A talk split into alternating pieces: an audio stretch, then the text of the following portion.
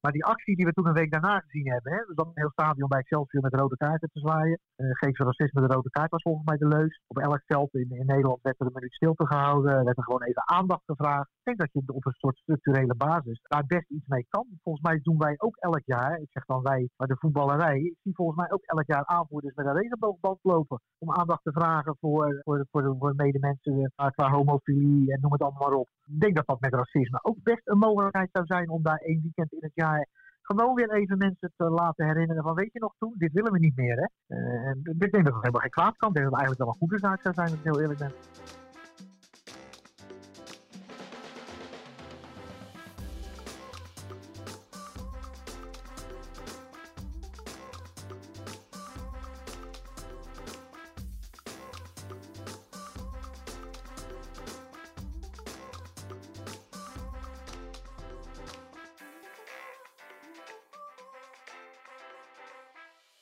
Scorebord Journalistiek, de podcast van Voetbal International, gaat ook door in de coronacrisis. Ja, deze week een uh, magazine op de deurmat. Eigenlijk vooral een teken van de eredivisie. Want ja, eigenlijk zou het nu klaar zijn. Hè? De eredivisie was gespeeld. We zouden ons opmaken voor het toetje voor de play-offs eredivisie. En misschien nog wel mooier de, de play-offs om promotie-degradatie.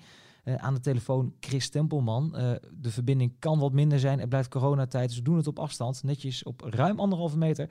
Hey Chris, die als iemand binnen VI elk jaar uitkijkt naar die play-offs promotie-degradatie, ben jij dat volgens mij? Volgens mij wij beide wel, hè? Jij bent ook een fanatieke aanhanger van de play-offs, volgens mij. Is toch het mooiste wat er is, of niet? Ja, ja dat topwedstrijden. De laatste jaren zijn we gewend geweest natuurlijk, hè, wat dat betreft. Uh, de play-offs van promotie-degradatie zijn echt... Uh, ja, vliegen alle kanten op. Uh, ik heb er nog steeds spijt van. Geen spijt van, maar baalde nog steeds van dat ik vorig jaar niet bij Go Ahead RKC was. Ja, dat herinnert iedereen zich nog wel. Toen zat ik op hetzelfde tijdstip bij de Graafschap Sparta, wat ook mooi was. Qua wedstrijd minder, qua ontknoping minder. Maar die ontknopingen, ja, daar doen we het het hele seizoen voor. Het is een, het is een groot gemis. Ondanks dat we allemaal begrijpen waarom en hoe het in elkaar zit. Maar het is een groot gemis dat we dat dit jaar niet hebben. En dat is echt uh, zonde voor de voetballerij in eerste instantie. En met name voor de clubs die daarbij betrokken zijn. Precies, precies ook dat. Nou, het leuke is, uh, jij volgt de clubs in de eredivisie. Ook clubs die het uh, wel eens uh, wat moeilijker hebben, die, het onder, die er onderin spelen. Maar jij bent ook een, ja, een vervent volger van de keukenkampioen-divisie. En daarom is het ook niet heel erg vreemd dat jij deze week met een verhaal komt ja, uit Kralingen, vanuit Excelsior. Want we hebben een VI gemaakt met, met verhalen die bijblijven het afgelopen jaar. Van, we trekken conclusies naar dingen die gebeurd zijn. En een van de meest in het oog springende en ja, ook vervelende verhalen, uh, daar gebeurde misschien wel op uh, ja, zondag 17 november vorig jaar. Kun jij ons even meenemen naar dat moment? Ja, Den Bosch Excelsior, hè, wat je al zegt, een, treurig verhaal. Een, een, verhaal wat, wat blijft hangen. Het hoort bij dit seizoen, hè, in alle eerlijkheid. De racistische spreekwoorden aan het adres van Ahmad Mendes Morera. Den Bosch Excelsior, ik weet het zelf ook nog goed. Ik zeg er eerlijk bij dat ik niet in het stadion was op dat moment zat wel klaar voor de televisie, want ik had zoiets van: dit kan wel eens een heel aardig potje worden. Twee ploegen die uh, nou, volgens mij niet trainen op verdedigen, uh, maar wel op aanvallen. Dus ja, dan weet je van tevoren: dit wordt een aardig potje. Dus ik ging er echt voor zitten. Uh, ja, zoals iedereen die het meemaakte, zowel in het stadion als voor de buis. laat me niet vergeten, het was een interland weekend. We herinneren ons misschien nog wel. Er was geen eredivisie voetbal, dus we hebben best wel veel mensen, in verhouding veel mensen, voor de tv gezeten om, om naar deze wedstrijd te kijken. En ja, die werden geconfronteerd met iets wat je niet voor mogelijk had gehouden eigenlijk. Zo verbazingwekkend wat ik daar zag en wat je daar hoorde. En ja, het heeft ook een hele stortvloed aan meningen opgeleverd natuurlijk. En de hele voetballerij is, uh, is ermee bezig geweest in die tijd. Uh, racisme, dat was iets wat er in Italië gebeurde. Hè? Hoorden we dan, of in Griekenland, of in uh, weet ik wel welk land. Het was ver van ons bed. En nu was het ineens heel dichtbij. En dan had, had je ook nog te maken met Den Bosch, wat de zaken, nou, laat ik dat heel voorzichtig zeggen, bepaald niet echt handig aanpakte ja, er was een hoop commotie uh, om, dit, uh, om dit voorval. En terecht lijkt me. Ja, even, even Mendes Morera, uh, voetballer van Excelsior dus.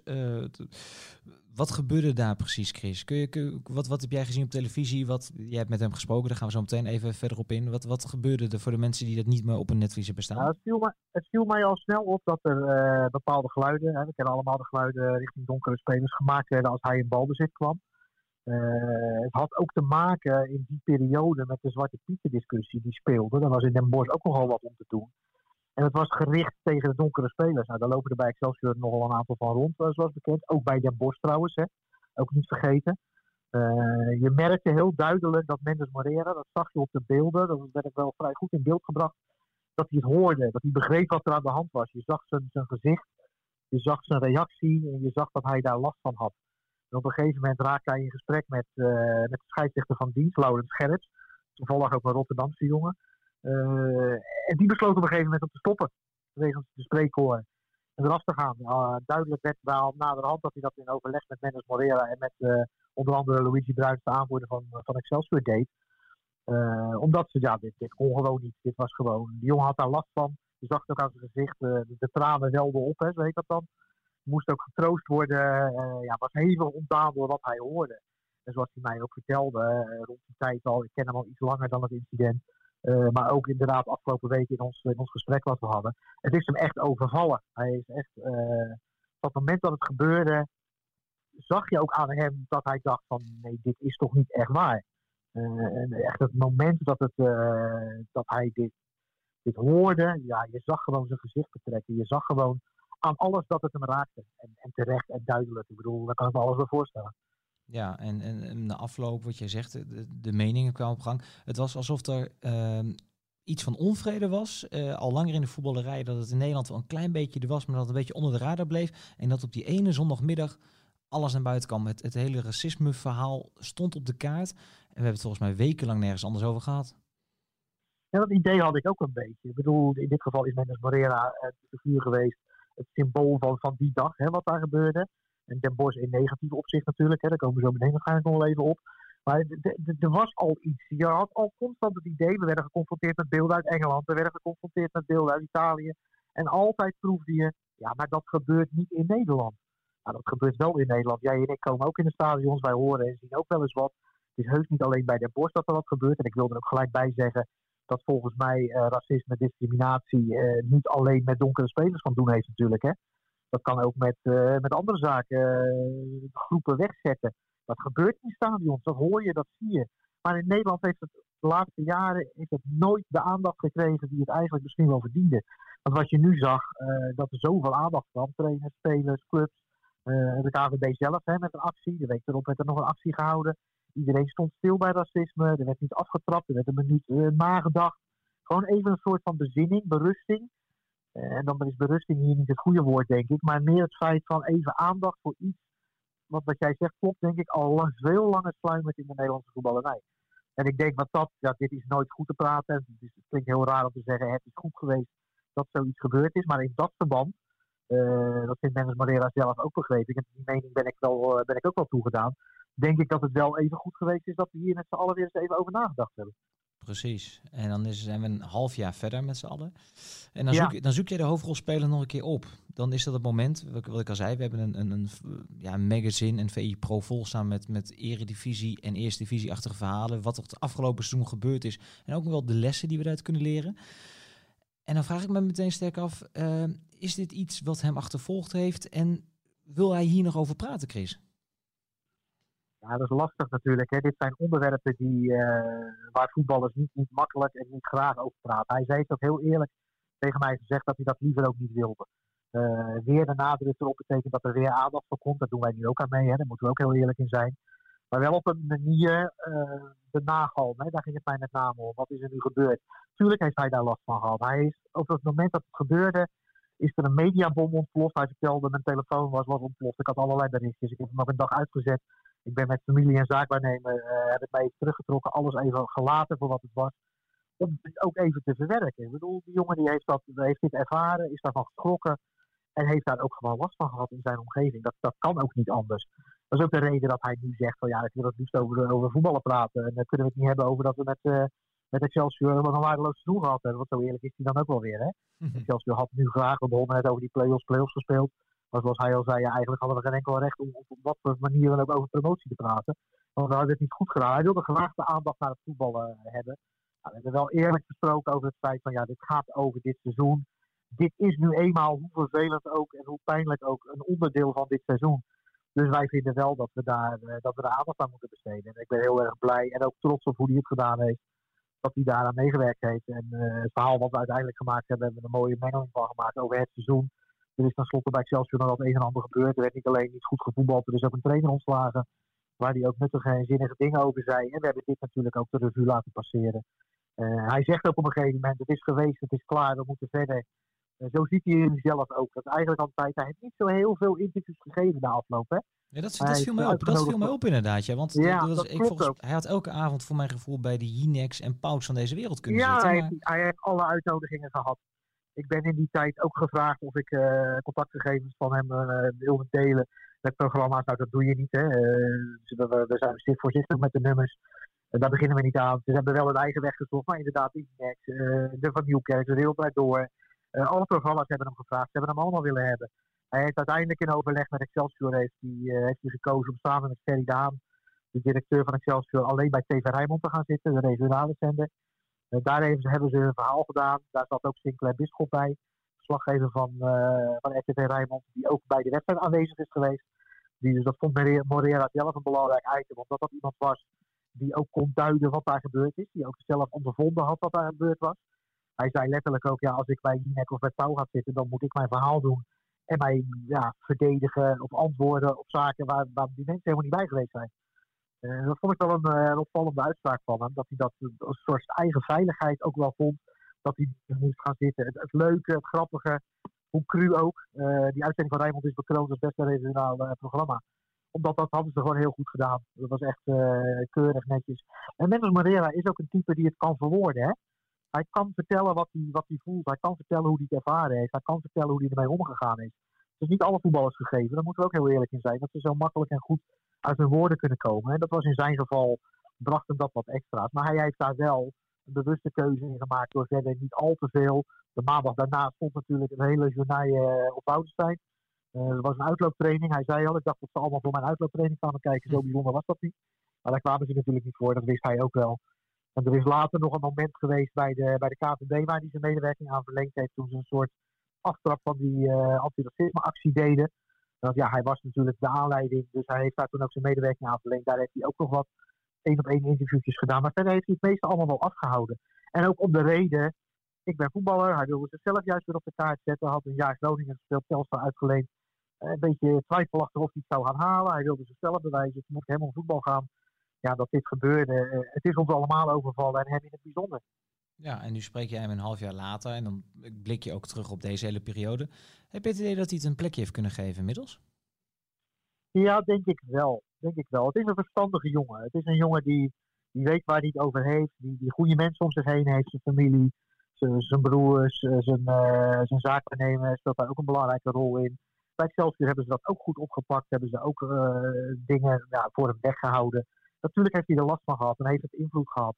Het is altijd moeilijk om, dat te duiden op basis van zijn prestaties. Hij heeft ook een tijdje tussen de basis en een reserverol inge, ingezeten. Ik denk dat daar wel degelijk een terugslagje ook gekomen is uh, naar aanleiding van deze, uh, van, uh, van, deze ophef, van, van dit incident. Want dat doet wel wat iets met iemand natuurlijk. Hè? En hij heeft, ik denk dat hij daar goed mee omgegaan is. Ik vind ook dat hij aan het einde van het seizoen, wat dan het einde van het seizoen bleek de laatste maanden, dat hij echt weer een beetje de oude Mendes Moreira was. De, de, de speler, de open jongen naast het veld.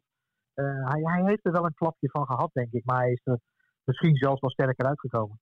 Ja, dat is ontzettend knap. Ontzettend knap van zo'n jongen dat, die, dat je daarmee om kan gaan. Want er komt inderdaad heel veel op je af. Chris, wat ik me wel afvraag... Ja, absoluut. Dat, dat, dat is hij ook niet gewend natuurlijk. Hè. Het is wat dat is het een voetballer in de marge. Laten we daar eerlijk in zijn.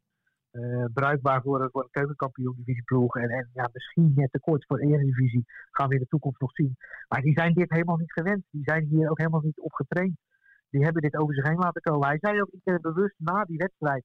Iedereen vroeg hem natuurlijk voor de camera. Hè. Hans Kraaij was er volgens mij in de studio toen. Die had er een mening over. Die vond ook dat hij wat moest zeggen.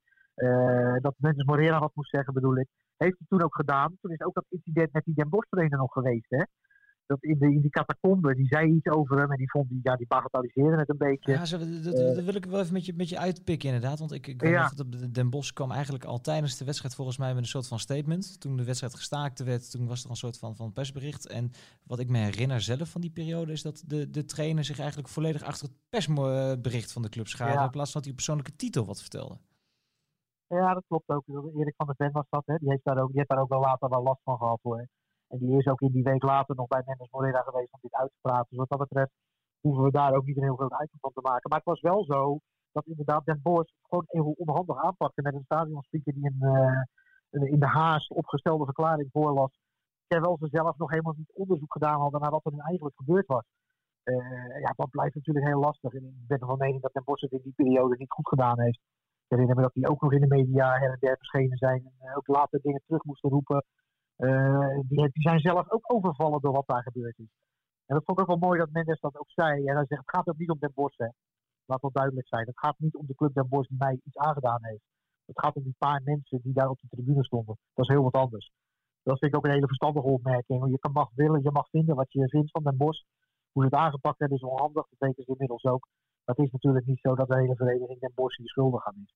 Het gaat om dat groepje mensen. En hij gaf nog wel een, een, mooi voorbeeldje met een knipoog. Daar ik het verhaal ook mee. Uh, een paar jaar geleden speelde hij bij Kozakke Boys. Uh, onder Danny Buis. Uh, toen had Den Bosch interesse in hem. zo klein ja, is de wereld. Ja, ja maar zo, zo, zo werkt maar wel duidelijk te maken. Deze, ik noem het dan gewoon even idioten, heb je overal. Die kunnen hier in de straat lopen, die kunnen bij jou om de hoek wonen. Wij kunnen daar een mening over hebben. Die mensen hebben een andere mening. En wij vinden dat dat niet kan. En ja, die zitten ook in een stadion. Ja, helaas zou ik haast zeggen.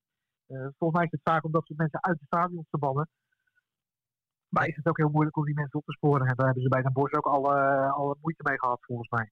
Ja, nee, de proces is in Den Bosch nog even doorgegaan. Ook, eh, ook samen met de KNVB zijn er wel plannen ontwikkeld. En uh, er is echt wel beleid opgevoerd. Ik weet dat achter het schermen daar hard aan gewerkt is om dat uit, uit het stadion te bannen. Dan kunnen we zeggen dat Den Bosch over de jaren heen misschien wel een imago heeft. Maar wat je terecht opmerkt, dit is geen ja, probleem voor Den Bosch, voor Brabant of wat dan ook. Het is gewoon een, een landelijk probleem in de voetbalstadions. En het grappige is, we hebben het er nu over. Uh, we zitten nu in de fase dat er niet gevoetbald wordt. En waarschijnlijk op den duur weer zonder publiek. Moet je je voorstellen, jongens. Hè? Zo, zo snel kan het gaan. Uh, ja, bizar hè? Ja, dat, uh, dat is de tijd erin leven. Wat, wat ik me wel afvraag, Chris. Ehm, hij heeft zijn verhaal destijds gedaan. hij was even het middelpunt van de, de hele racisme kwestie eigenlijk. En daardoor is er een balletje gaan rollen. Heel veel initiatieven. Maar we zijn een half jaar verder. En nu even los van de coronaperiode. Laten we dan even een maand of twee teruggaan in de tijd. Was dat nog steeds gaande? Of heeft op een gegeven moment is dat vuurtje weer een beetje gedoofd? Is het weer minder geworden, de aandacht voor het probleem? Ik denk dat het wel minder is geworden. Ik vind dat je dit soort dingen dat je dat vaak ziet. Hè. Er moet maar even iets gebeuren. Dat er een hele hoos aan publiciteit ontstaat. En daarna ebt dat weer weg. En, en, en het vuurtje weer, zoals je dat noemt. Ik denk alleen nog wel dat het onderhuids nog steeds wel borrelt. Want het is natuurlijk, het blijft toch een item. Hè? Je merkt ook deze discussie die toen in de weken daarna gevoerd is, die ging ook op een gegeven moment alle kanten op. Hè? Ik las op een gegeven moment verhalen van, van, van donkere trainers die zich gediscrimineerd voelden. Uh, omdat ze altijd achtergesteld worden. Het vloog alle kanten op eigenlijk. Hè? En ik denk dat dat soort dingen, eh, dat dat wel degelijk nog steeds aanwezig is. En ik denk ook dat het goed is. En daar heeft uh, Mendes Morera zelf ook iets over gezegd in dat verhaal. Om hier wel op een wat structurelere basis ook gewoon aandacht aan te blijven schenken. Niet dat we het weer, dat we weer, dat we nodig hebben dat er iets gebeurt. Want laten we in godsnaam hopen dat dit soort voorvallen niet meer voortkomen. Maar die actie die we toen een week daarna gezien hebben, hè, dus dan een heel stadion bij Excelsior met rode kaarten te zwaaien. Uh, geef ze racisme de rode kaart was volgens mij de leus. Op elk veld in, in Nederland werd er een minuut stilte gehouden, werd er gewoon even aandacht gevraagd werd er gewoon even bezinning gevraagd. Ik denk dat je op een soort structurele basis daar best iets mee kan. Volgens mij doen wij ook elk jaar, ik zeg dan wij, maar de voetballerij, ik zie volgens mij ook elk jaar aanvoerders met een regenboogband lopen. Om aandacht te vragen voor, voor, voor, voor medemensen qua homofilie en noem het allemaal maar op. Ik denk dat dat met racisme ook best een mogelijkheid zou zijn om daar één weekend in het jaar gewoon weer even mensen te laten herinneren van weet je nog toen, dit willen we niet meer hè. Uh, ik denk dat het helemaal geen kwaad kan. Ik denk dat het eigenlijk wel een goede zaak zou zijn als ik heel eerlijk ben. En eigenlijk juist in deze periode dat er niet gevoetbald wordt, dat er dus ruimte is om over dit soort dingen na te denken. Want anders ben ik persoonlijk heel bang dat als op een gegeven moment die bal weer rolt en het publiek het stadion weer in mag, dat het probleem is niet voorop is. Dat we misschien ja, de kwestie uh, Mendes Morera wel weer vergeten zijn met z'n allen. Ja, dat vrees ik ook. racisme is niet weg natuurlijk. Hè. Het is van alle tijden. Het was vroeger was het, het is er in de toekomst. Uh, we moeten daar gewoon ja, scherp op blijven. En ik denk dat we daar altijd aandacht voor moeten vragen. Laten we in godsnaam hopen dat dit soort voorvallen niet meer voorkomen. Uh, maar ik denk dat het goed is dat we daar met z'n allen gewoon wel af en toe eens even aandacht aan besteden. Want ja, nu is het zonder publiek helaas. dan zou je heel makkelijk kunnen zeggen, dan hebben we hier ook geen last van. Maar ja, we willen met publiek spelen. En we willen de toekomst denk ik dit soort tafereelen niet meer zien. En met z'n allen moeten we daar denk ik gewoon waakzaam voor blijven. Uitstekend. En ten slot, Chris, om dan toch over het voetbal te hebben. Mendes Morera, wat verwacht je van hem komend seizoen als de bal weer rolt? Ik verwacht dat hij een belangrijke rol wil gaan spelen in de revanche van Excelsior. Die hebben een matig jaar gehad. Hij is zelf ook niet volledig tevreden over zijn jaar, kan hem ook iets meer voorstellen. het is gewoon een goede, goede aanvaller die er goed bij kan hebben. En ja, ze moeten bij Excelsior, net als bij alle andere clubs, maar eens even afwachten wat er allemaal kan op transfergebied. En hoe dat zit. Ik kan me voorstellen dat zij hopen dat Cambuur en de Graafschap nog een stapje omhoog maken. Wat wij allebei stiekem ook wel hopen volgens mij. Dat ze vinden dat ze daar recht op hebben. Want dat zou voor hun twee concurrenten minder betekenen. En ja, Excelsior is een ploeg die gewoon terug moet keren binnen afzienbare tijd. Want anders gaan ze als club denk ik ook wel een probleem krijgen. Mendes Merera kan daar een belangrijke schakel in zijn. Want het is gewoon een, uh, een rappe aanvallen, de opportunistische speler die je er goed bij kan hebben. Dus laten we hopen dat we hem volgend seizoen om een andere reden in de spotlight zien daar is hem uh, veel uh, aan gelegen. Dat kan ik je wel verzekeren. Chris, dankjewel hè. Alsjeblieft.